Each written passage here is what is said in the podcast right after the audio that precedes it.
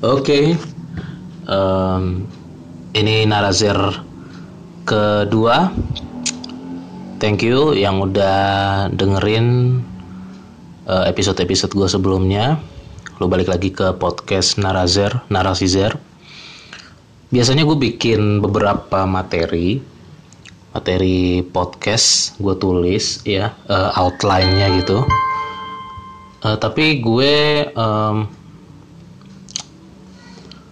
apa namanya malah lebih sering membahas eh, lebih sering ngeluarin episode yang nggak ada dalam outline gue entah kenapa itu em, apa ya istilahnya jarang bukan jarang apa? Gue jadi agak-agak kadang agak-agak males untuk ngebahas materi yang udah gue tulis sementara gue lebih tertarik atau lebih bersemangat ngebahas materi yang belum gue tulis di outline. Tapi eh, untuk sisi positifnya ya jadi kalau gue udah kehabisan materi materi-materi yang spontan jadi gue bisa eh, fokus ke materi gue yang udah gue tulis sebelumnya. Nah episode kali ini adalah materi yang gak gue tulis. Yang belum gue tulis yang belum gue siapin sebelumnya tapi sudah ada di sudah ada di kepala gue nih gitu. Eh, Oke, jadi gue mau bahas tentang netizen, ya, atau biasa sering diledekin eh, maha benar netizen, maha benar netizen dengan segala apa tuh, ya pokoknya itulah, maha benar netizen dengan segala komentarnya gitu ya. Nah, gue mau mencoba memberikan perbandingan nih kepada kalian semua yang dengerin episode kali ini.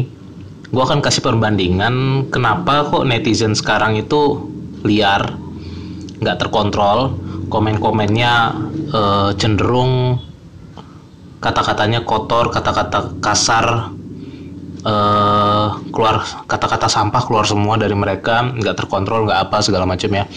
Baik itu paling sering kan komentar di YouTube komentar di eh, Instagram Twitter gitu ya. Entah itu masyarakat berantem sama pejabat pejabat entah masyarakat berantem sama anggota DPR ya. Sebut saja anggota DPR itu yang sering itu kan inisial FH sama inisial FZ FZ itu ya. Kalian tau lah ya kalau yang ngikutin politik. Atau misalkan komentarin Presiden Jokowi nggak pakai nggak pakai etika segala macam Eh, sampai kena undang-undang ITE ya. Sebelum ada undang-undang ITE eh, beberapa eh, netizen atau warganet yang sudah sudah berpengalaman di internet, di web, di forum segala macam itu eh, entah kenapa mereka etikanya lebih oke ya, lebih terkontrol dibanding yang sekarang. gue punya gue punya pengamatan kalau yang netizen-netizen sekarang, terutama yang bapak-bapak yang hobi wat ngasih hoax di WhatsApp grup atau ibu-ibu yang hobi ngasih nyebar hoax di WhatsApp grup atau orang-orang yang anak-anak labil yang sering posting atau komen di sosial media yang sembarangan, nggak ada nggak ada etikanya segala macam. Itu gue pengama gue amati dan gue sedikit analisis ala-ala ya. Analisis eh, ala-ala ala-ala apa ya? Gue pengen nyebut alasannya susah. Sebentar. Ala-ala orang awam lah itu aja lah ya. Nah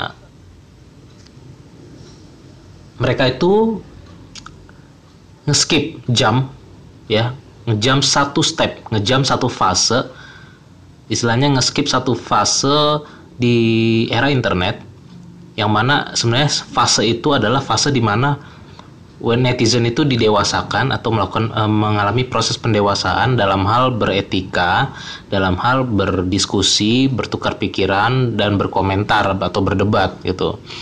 Uh, fase apa nih? Uh, kalau kalian belum pernah atau jarang banget dulu atau nggak kenal sama sekali yang namanya Kaskus, Indo Webster atau forum-forum lain yang terkenal, yang gue ikutin ada dua yaitu forum Kaskus dan skyscrapercity.com lu nggak akan pernah dididik secara langsung maupun tidak langsung oleh beberapa orang, beberapa pihak yang mengkontrol kita untuk berbicara tidak menggunakan kata kasar, tidak menggunakan kata kotor, dan tidak OOT atau out of topic.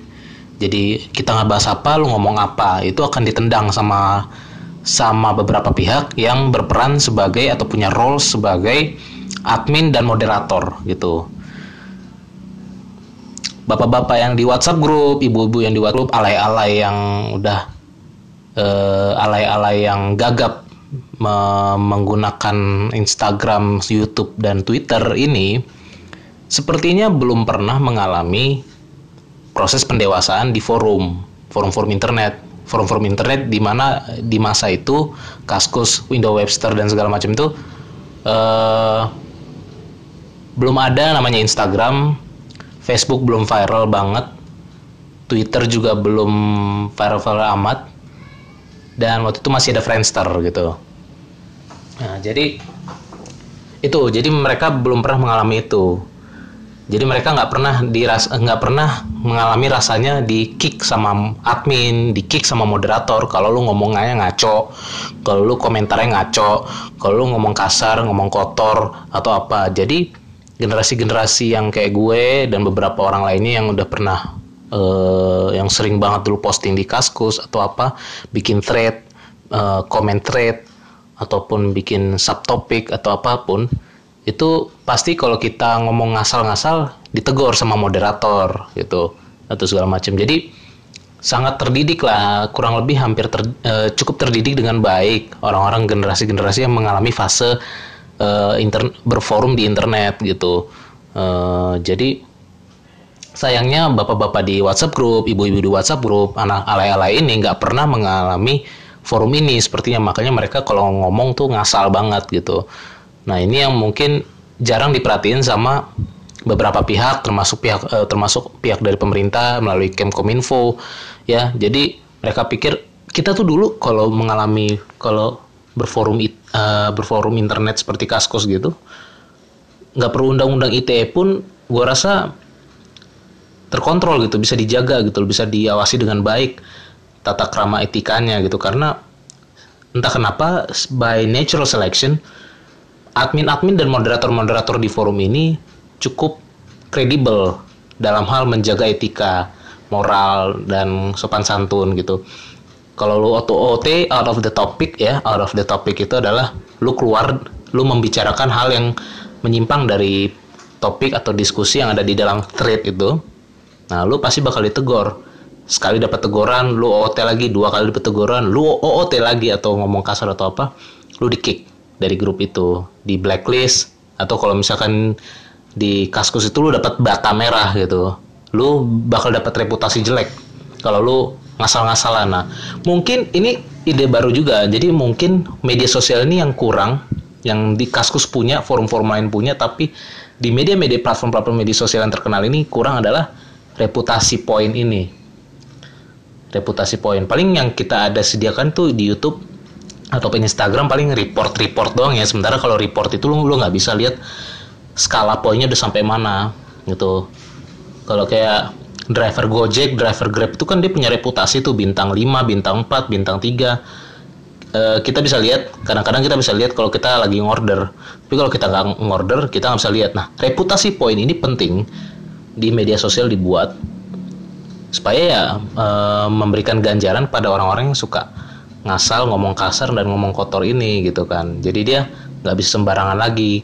Dan tanpa digrebek Deddy Corbusier pun uh, orang-orang ini sudah mikir tiga empat kali dulu untuk uh, nyampah sembarangan. Karena dia bakal dapat reputasi yang jelek. Uh, dapat istilahnya tanda kutip bata merahnya di kaskus semacam di kaskus gitu nah jadi kira-kira itu ya uh, yang mau gue sampaikan. Mungkin uh, gue nggak mau terlalu banyak ngebahas ini karena poin gue udah cukup sih dalam hal beretika dan berforum. Coba kalau kalau gue sebutin itu uh, media sosial yang yang memberikan saran untuk komentar dan berdebat apa? YouTube di kolom komentar YouTube Twitter udah pasti itu emang uh, rajanya kita bisa berdebat dan berkomentar Instagram Facebook cuma kalau Facebook tidak seviral di Instagram dan Twitter ya entah kenapa ya gue nggak nggak perlu riset juga jadi paling itu ya Facebook Instagram Twitter dan YouTube. Sementara kalau WhatsApp itu inner circle ya, jadi bukan public banget. Jadi paling komunitas-komunitas kita aja yang tahu siapa yang komentarnya nyampah segala macem gitu. Dan WhatsApp walaupun ada hoax segala macem masih bisa dikontrol karena kan WhatsApp bisa punya admin kan, dan ada yang bisa mengingatkan. Jadi WhatsApp itu walau selain inner circle, selain bentuknya community, dia tuh masih bisa uh, mengakomodir hal-hal yang berhubungan dengan etika dan moral karena fasilitas dan fiturnya itu mirip seperti yang di yang sudah pernah ada di forum-forum internet gitu. Oke, jadi itu aja dulu yang mau gue sampaikan. Uh, thanks for listening. Uh, podcast gue ini tersedia di Anchor, Spotify, Apple Podcast, dan masih banyak lainnya kecuali SoundCloud. Okay, thanks. Uh, dan see you on next episode. Ciao Bella.